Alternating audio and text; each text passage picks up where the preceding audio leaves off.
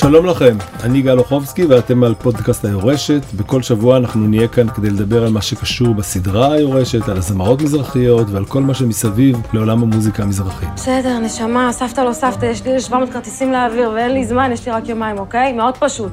תיקון מיוחד על מצבה הרפואי של הזמרת. אייטם פותח בכל המהדורות, בלה בלה בלה, כל מה שהם אוהבים. בסוף האייטם הולכים לשים שיר שם במרוקאית, משהו מרגש. יום אחר כך, בום, שלום על ישראל, מוכרות את כל הכרטיסים האלה, בעזרת השם נעשה ונצליח, אוקיי? והיום באולפן, אני חושב שהוא המרגן הכי מוכר בישראל וגם הכי מעניין בישראל, רוברטו בן שושן. היי גל, איזה. הקדמה. איזה הקדמה, מה נשמע רוברטו? מעולה פלוס. יפה. הסדרה המטורפת הזאת. אז תגיד לי רגע, תן לי את רשימת האנשים הכי חשובים שאתה חושב שגילית. טוב, אני אסתמך על הזיכרון שלי. כן, כן, ה- מה שקופץ לך לראש. תכלס הדוגמנית הראשונה שאני גיליתי ונהייתה משהו זה שרון גניש.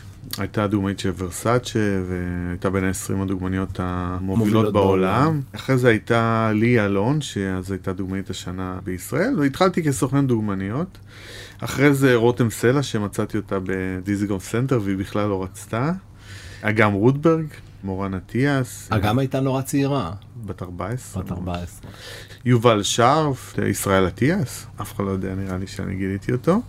וכמובן הדור החדש שזה נועה קירל, ריף נאמן, סופיה מצ'טנר שעשתה את דיור, דורית רבליס שעשתה את קווין קליין. מה ההבדל בין לנהל דוגמניות, בין לנהל שחקניות ובין לנהל זמרות? אז uh, אני אתחיל מהסוף. זמרות זה הכי קשה, כי זה 360, זה גם uh, מוזיקה, גם לבחור שירים, גם תדמית, סגנון, לאיזה כיוון את הולכת. אני מעדיף שכל הזמרות שלי, מאז מאיה בוסקילה, גם יהיו שחקניות. גם מאיה שיחקה בסרט קולנוע. של מנחם גולן? של מנחם כן. גולן, שהוא נהיה קאלט. לא בטוח שמהסיבות שהיא רצתה שהוא יהיה קלט, אבל הוא נהיה קלט. נהיה קאלט. וכמובן דוגמנות, שמאיה עשתה קמפיינים, גם אז לגו אנדר ולעוד כן. הרבה חברות קמפיינים, וגם נועה, שהיא עושה קמפיינים כן. גם ל-yes, גם לפלאפון, גם ל... נועה היא בשלב שעושה קמפיין לכל מי שהיא מסכימה. כן. מכל מי שיכול לשלם את. הסכומים. אז בוא נגיד שזמרת זה הכי קשה. ודוגמנות דווקא זה יותר קל. דוגמניות אנחנו יודעים שזה כמו עבודת בוקינג, אתה ברגע שאתה בונה שם לדוגמנית והיא מספיק טובה, כן. וכמובן שבהתחלה נאלצנו לנסוע עם אה, סופיה ודורית לחו"ל כדי לבנות להם את הביטחון והכל, אבל ברגע שעכשיו למשל דורית טסה לבד, עושה קמפיינים כמו זרה וזה, ואותו דבר גם סופיה, בלי שנצטרך כן. לנסוע זו עבודה איתה. יותר משתלמת הייתי אומר. יותר קלה, יותר קלה. אה, תגיד, כשבא אליך זמר או זמרת, מה אתה צריך לראות כדי להגיד על זה כן? אז תראה, אני לא תוכנית טלוויזיה כמו The Voice או X. Factor או הכוכב הבא. כל זה דבר שהוא מאוד מעניין וחשוב, אבל האישיות יותר מעניינת אותי, ואני חושב מה אני יכול לעשות מעבר לזה שהוא או היא יהיו זמרים אצלי. אני אסביר לך, אני אסביר כל, כל סיפור לגופו ואז כן. תבין. עכשיו נכנסת נועה לחדר. נועה דווקא הגיעה אליי לפגישה דרך משרד פרסום שנקרא טינק, שזה משרד פרסום כן, כן, של- צעירים. הייתי בדיוק במפגש מעריצים עם נאור אורמיה בתוך חנות של דיזל או משהו כזה בקניון, ואז אה, נועה באה עם אבא שלה אליי, ילדה כזאת קטנה עם המון ביטחון עצמי, מאוד הזכירה לי את אגם. כי גם כשאגם באה אליי, היא באה בגיל 13 וחצי, עם המון ביטחון עצמי, קומה מאוד נמוכה, ואומרת לי, אני רוצה להיות כוכבת. וגם כשנועה באה עם אבא שלה, היה לה את אותה חוצפה. אני כאילו ראיתי חתיכה ממשהו שהיא שרה, איזה קליפ שהיא עשתה או משהו כזה. יותר התרשמתי מהאישיות שלה ושל אבא שלה, וזה מה שאני עובד איתו. גם נאור אורמיה, שהוא בא, הוא היה מלצר מזמר, ומאוד התרשמתי מהאישיות שלו. לא היה מעניין אותי בעצם איך הוא שר. אם הוא שר בסדר, סביר, אנחנו מזה יכולים לעשות קריירה. היה חשוב לי האישיות.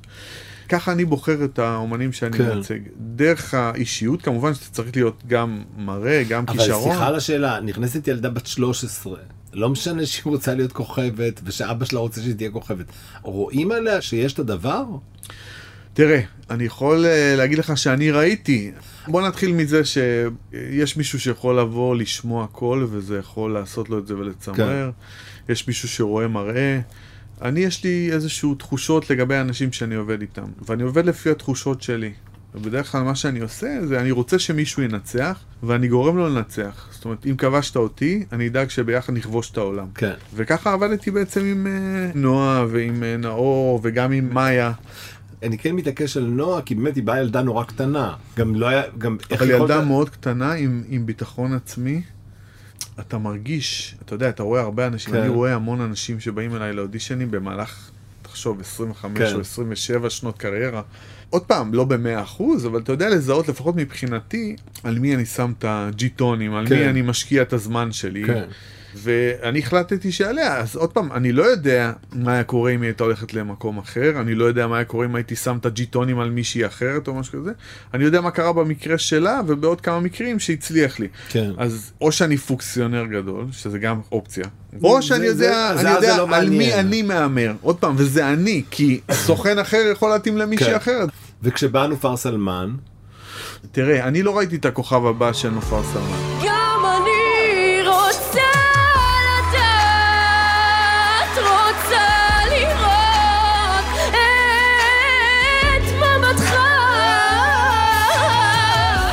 לא ידעתי ממה להתרשם, אבל כשהיא באה, היא כבר באה גם כשחקנית. אתה אוהב שהן יודעות לעשות הכל. ברור, אני אוהב את זה. תשמע, יש לה חיוך קסום. נופר שהיא מחייכת, העולם מחייך. יש אנשים כאלה. יש לה המון המון כישרון. קול שהוא באמת מיוחד. יש אפילו מפיק אחד גדול uh, בעולם שמגדיר אותה, מבחינתי היא אום כולתום העכשווית, ככה הוא מגדיר אותה, וואלה. וזו מחמאה מאוד מחמאה מאוד מאוד גדולה. גדולה. ותשמע, כשראיתי את הכישרון והכל, וידעתי שהיא מאוד דעתנית. כאילו נופר היא לא מישהי שאתה יכול להגיד לה מה לעשות. היא בסוף גורמת לך לעשות את מה שהיא רוצה, בכל מיני דרכים. זה, זה נופר. ידעתי שזה לא יהיה קל, אבל אמרתי שאני לוקח את האתגר הזה כי ידעתי שהיא תגיע רחוק, בגלל שיש לה המון המון אמביציה, המון כישרון בהכל. ו... ואתה מגדיר אותה זמרת ים תיכונית? לא, לא. לא. אני מאוד רציתי, מאוד רציתי שהיא תהיה ים תיכונית. כי זה, יש בזה יותר כסף, אתה יכול לעשות חפות, חתונות, הכל וזה, ואני באמת, מה שמעניין אותי זה הכסף. אני אומר את האמת, אני, זה עסק מסחרי בשבילי, אני צריך למצות כמה שיותר, כן. כל אומן שאני עובד, שיעשה מקסימום מהפוטנציאל שלו, אבל היא זמרת יותר ישראלית עם קול ים תיכוני, שזה כן. מאוד מעניין. אז היא לא יכולה להופיע במקומות האלה, במועדונים בלילה וזה? תראה, לא- היא מופיעה במועדונים בלילה. בוא נגיד שזה מקצר קצת את מה אפשר לעשות, כי המוזיקה שהיא כותבת ומלחינה מאוד מאוד חשובה לה, ואני מכבד את זה. והמוזיקה שלה היא לא ים תיכונית, היא לא עושה חפלות לחתונות. ואני צריך לבוא ולהתמודד עם מה שיש לי, לחבר את זה ליורשת, שזה גם כן, זהו, תדמית. היא- טופז היא- בעצם, היא ש- זמרת ים תיכונית. בוא נזכיר שהיא מגלמת ביורשת את התפקיד הראשי, את טופז. נכון. ושם יש כזה את כל הסצנות של המועדונים הארדקור. זה אני מבין שהיא לא עוברת אצלך. היא לא עושה, היא לא רוצה עושה. לעשות. היא לא רוצה? לא רוצה לעשות, היא לא רוצה לעשות. אולי בגלל שהיא ראתה את הסדרה. אולי לא הייתה צריכה לראות את היא הסדרה. טוענת. כן. שזה מה שהיא עשתה שהיא הייתה ממש קטנה. אה, אוקיי. אבל אני לא הייתי אז. יש בסדרה את העניין הזה עם האישור הורים וזה. בואי הנה. למה למה?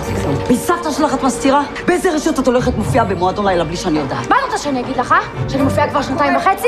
אם הייתי אומרת לך, את היית לילד אותי בתוך הבית. 400 שקל הם משלמים שם לערב. 400 שקל, וזאת רק ההתחלה. העסקת קטינה בלי אישור בכתב מהאפוטרופוסית שלה. עוד היום אני מוציאה להם צו סגירה.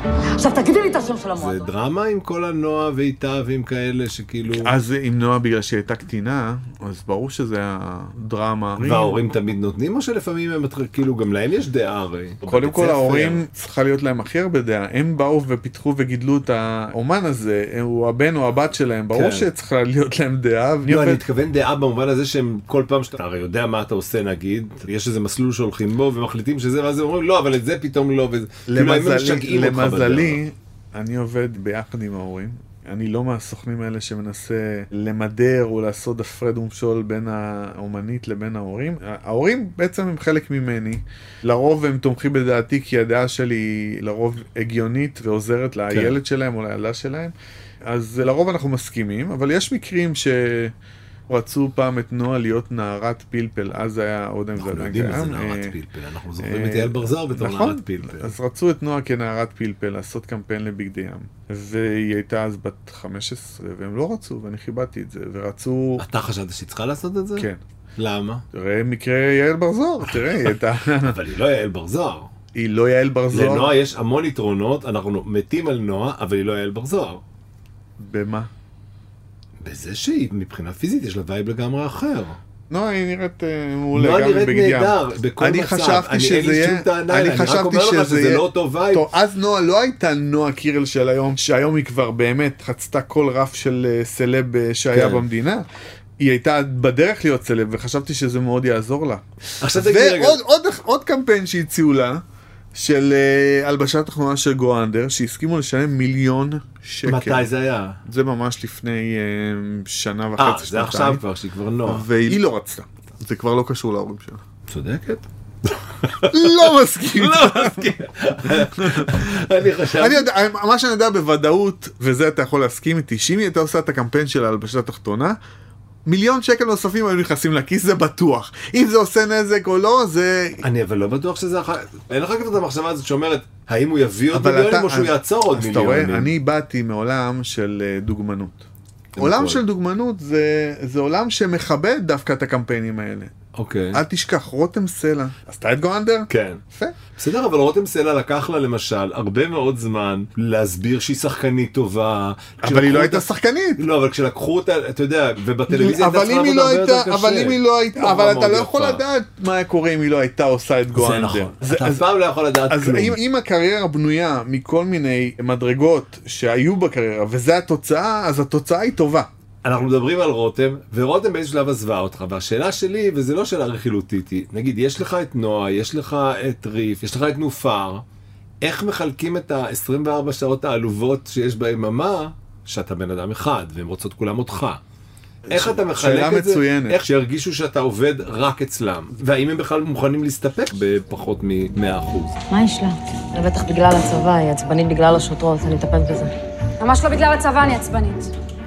זה כבר הבנתי שאני צריכה לטפל לבד. אבל בקצב הזה שאתם כל היום קרקרות סביב הקלה זוהרה, אותי יכולים לבוא לעצור. אל תדאגי, טופז, אני אחשוב על משהו. אבל למה את כל כך עצבנית? חשבתי שאת כן רוצה להתגייס. רציתי, כדי לצאת מהשכונה, עכשיו יש לי גם קריירה להפסיד. טופז, אני אטפל בזה, יש לי מלא קשרים בבקו"ם. איזה קשרים יש לך, ספיר? אין לך קשרים עם הזמרת שלך, טופז בדש. זה לך קשרים עם הבקו"ם? שאלה מצוינת. תודה, תודה. תודה. אה, זו שאלה שאני מתחבט בה המון, כי כשהייתי בקדנציה הראשונה שלי כסוכן, אז באמת היה לי באותו תקופה את אגם רודברג, את מאיה בוסקילה, את מורן אטיאס, את אה, יובל שרף, את רותם סלע. וכל אחת הייתה צריכה את היחס שלה. ובאותו זמן הייתי ממש כמו פרויקטור, הייתי בונה את הקריירה של מאיה בוסקילה חצי שנה, ואז שם מישהו שיהיה איתה. ובונה את אגם, חצי שנה בונה לה מלא קמפיינים וסדרות והכל, וזה לא עבד, כי תמיד כשרצו לבוא ולקחת את הבנות שאני גידלתי, אז אומרים, אה, עכשיו ת, תקשיב, הוא כבר לא מתייחס אלייך, הוא כל היום עם מאיה בוסקילה. והיו אומרים למאיה בוסקילה, הוא לא מתייחס אלייך, הוא כל הזמן עם אגם רודברג, וכהנה כן. וכהנה. והיום אני קצת יותר אה, מנוסה.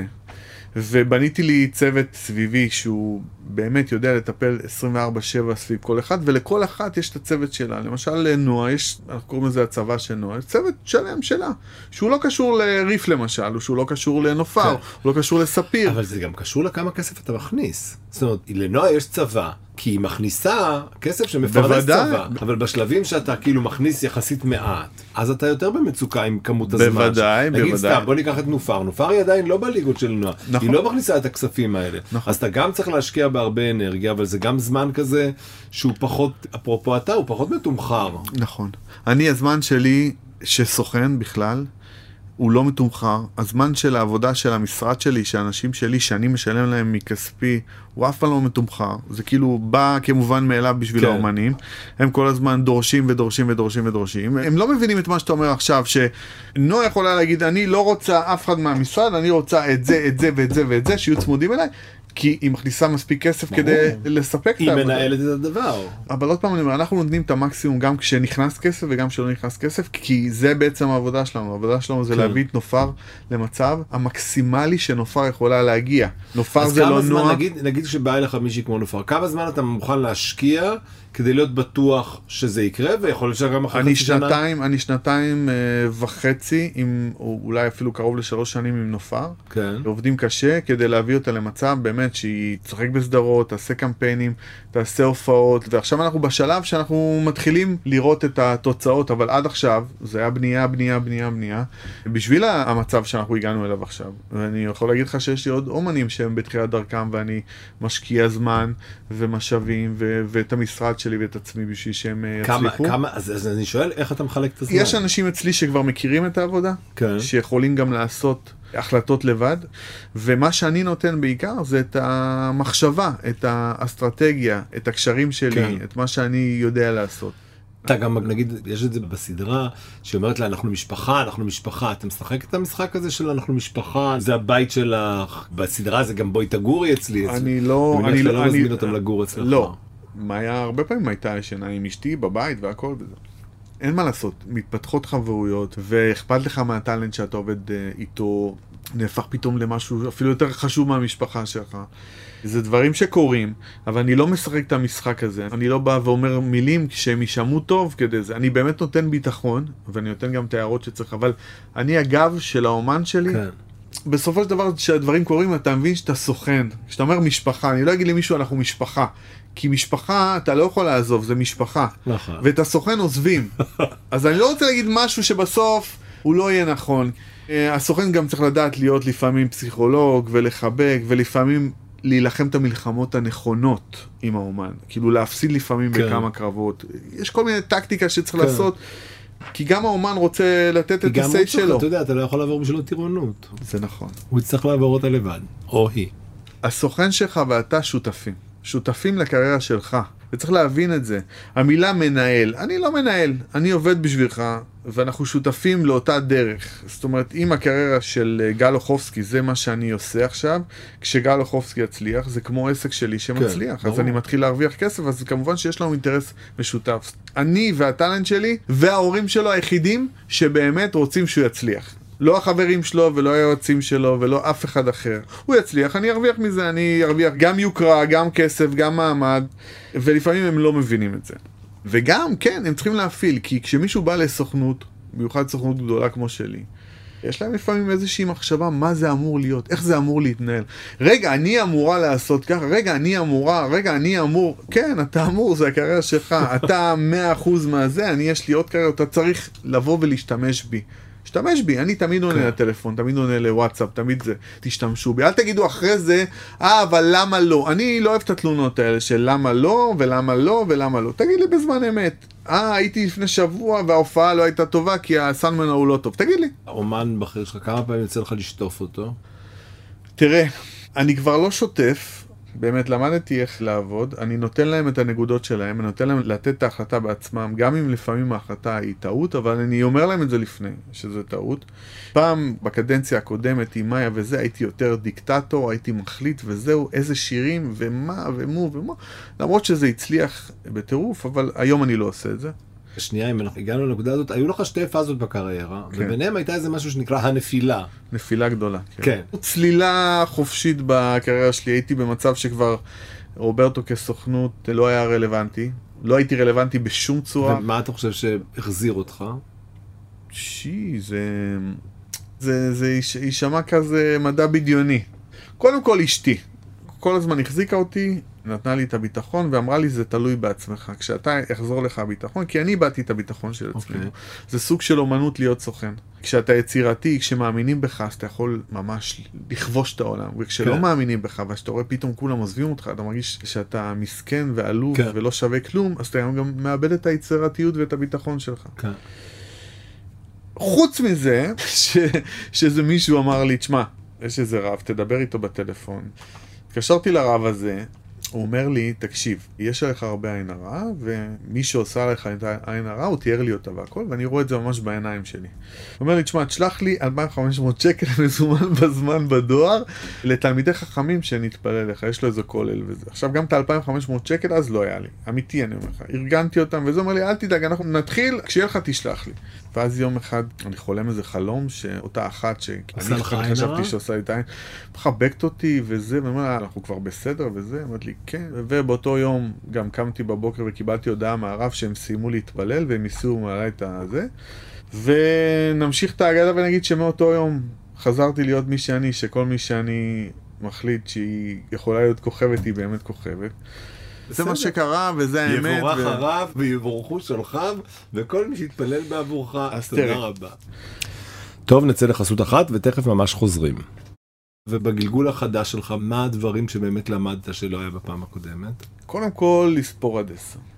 קצת אה, צניעות מבחינתי. כי תראה, אני התחלתי משום מקום. נולדתי ביפו, גדלתי בבת ים, ההורים שלי התגרשו, לא, לא היה לי כסף בבית או משהו כזה, ולא הייתי איזה מלומד או מפורסם או משהו, אז הגעתי לתחום הזה ונהייתי כוכב עולה מהר, מהר כן. מאוד, כולם דיברו רוברטו, כל אחד רוצה להיות אצל רוברטו והכל. אני מדבר איתך בקדנציה. כן. כן, ברור. והרגשתי שאני יכול לעשות הכל, ובאמת זה קרה, כאילו הייתי עושה מה שאני רוצה. מדבר איתך ברמה שאני מוצא מישהי ברחוב, אומר לה, תהיי ככה וככה, וזה מה שקורה, וזה מה שהיא תהיה, ולא כן. יעזור לאף אחד כלום. וסוג של uh, הביא אותי למצב שאף אחד לא יכול לדבר איתי, כאילו. אני חושב שאני יודע הכל, מעצבן. זה קורה בגילאים האלה, זה קורה, ב-25, אז, 30 אז כשהיום, כאלה, אז זה- תחשוב עכשיו אומנים, אותו כן. מצב כמוני, באו משום מקום, ובן לילה הוא נהיה כוכב, וכולם סביבו, ופתאום משתי חברים וחצי יש לו מיליון יועצים והכל, ואז אני מסתכל על עצמי, אני אומר, אני יכול להבין למה הוא מדבר אליי ככה. א', כי חוויתי את זה עם האומנים כן. שלי, וב', אתה גם אני כזה- הייתי כזה, ברור. גם אני הייתי, אז איך אני יכול להאשים מישהו אם אני, שאני מחזיק מעצמי בן אדם טוב, כי כל בן אדם חושב שהוא בן אדם טוב. אז אני כבר יכול להכיל אותו, אני יכול להבין, כן. ואני יכול לדבר אליו ולהסביר לו בצורה אחרת. ופעם שמישהו היה אומר, מה? אני הפכתי אותך כוכב, אתה יכול לדבר אליי ככה? מי אתה שתדבר אליי ככה? וזה זה היה פעם.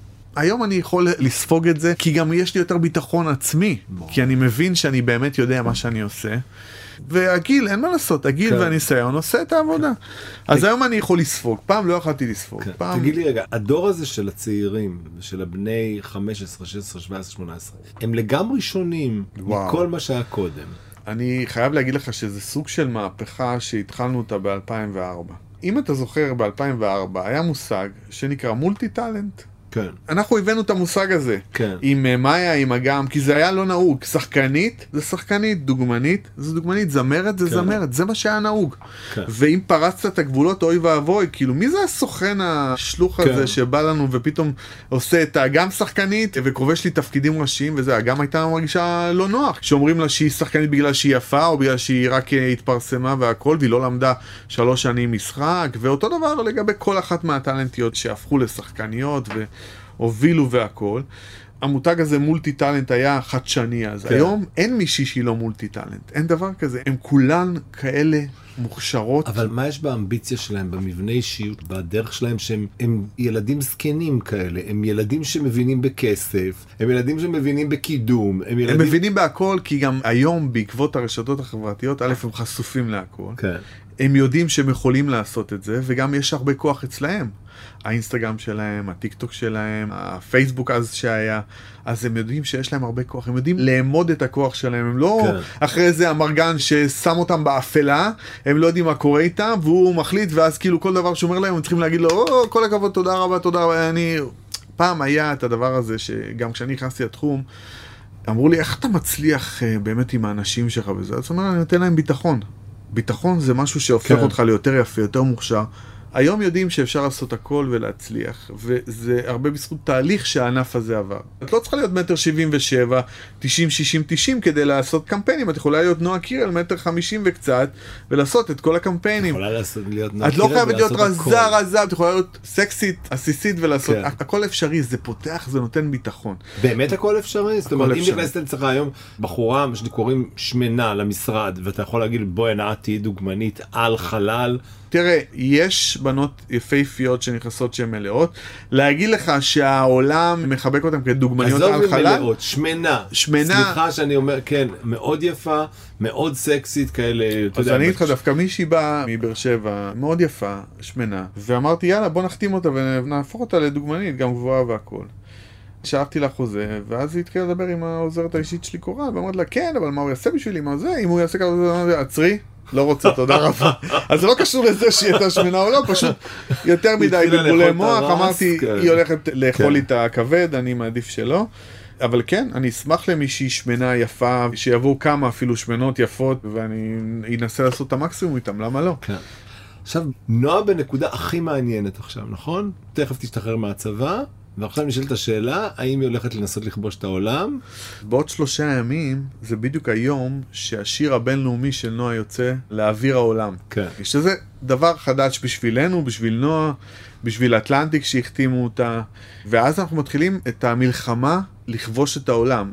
בינתיים במלחמה שלנו כבשנו את מדינת ישראל, אני חושב שזה דבר שהוא מוכח. ומגיע לה והיא כזאת אהובה ועושה מוזיקה טובה ו- וגם במשחק והכל. עכשיו המטרה שלנו זה לכבוש את העולם עם נועה. עוד פעם, אני לא רוצה לבוא ולצאת בהצהרות, למרות שבדרך כלל אני, אני בועט והולך לנגוח. כן. כאילו אני קודם כל אומר מה יהיה ואז אני צריך להשלים כן. את החסר. אז אני לא רוצה לצאת בהצהרות, כי נועה לא אוהבת את זה, היא לא אוהבת לפתוח עין. עין. אבל כן, אנחנו הולכים למלחמה יותר גדולה. אנחנו נוותר פה כמובן על הופעות, כן. על דברים שהיא עושה ביום יום.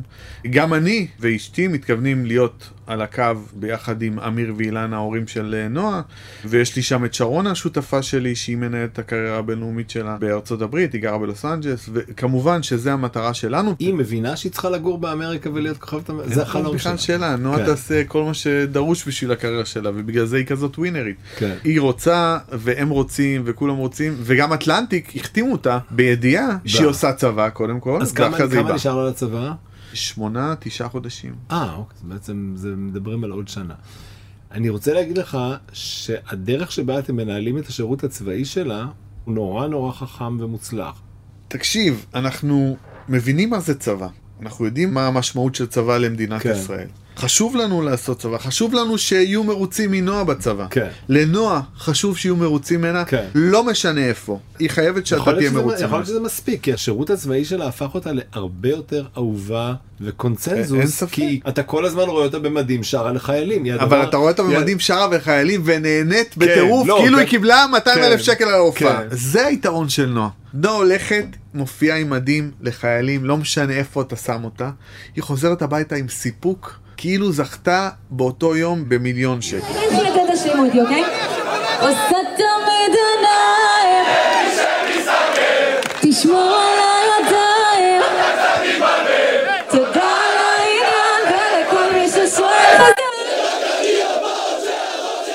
זה כל היופי. בגלל זה באמת אוהבים אותה, כי זה באמת נועה. אתה יכול לראות אם זה הצגה, או אמרו לי, עוד פעם דפקו לי הופעה בצבא. הבחורה הולכת, מופיעה, נהנית כמו אלה שרואים אותה. היא נהנית אפילו יותר מהם.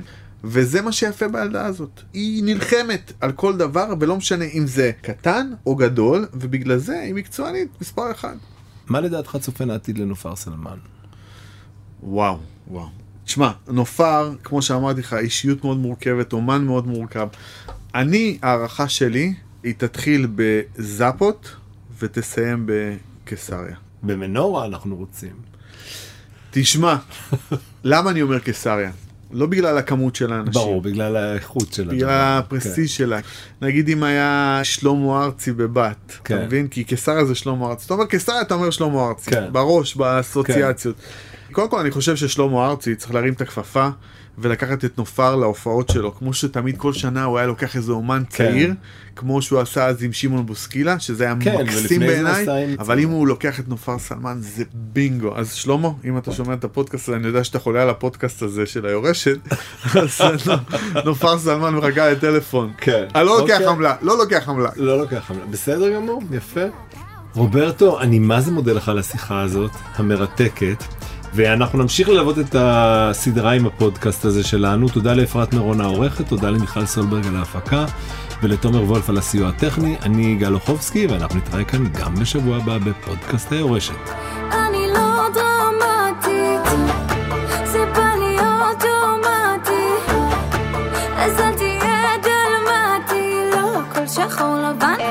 בא לי צהוב. הנה הבוק, גנבה לי את הלוק, בשוק, זה עושה לי פיוק, טעות בליוק, בדוק. אם הוא שואל איפה אני, אני עם הפאוץ', יא. אם הוא שואל איפה אני, אני עם הפאוץ', יא.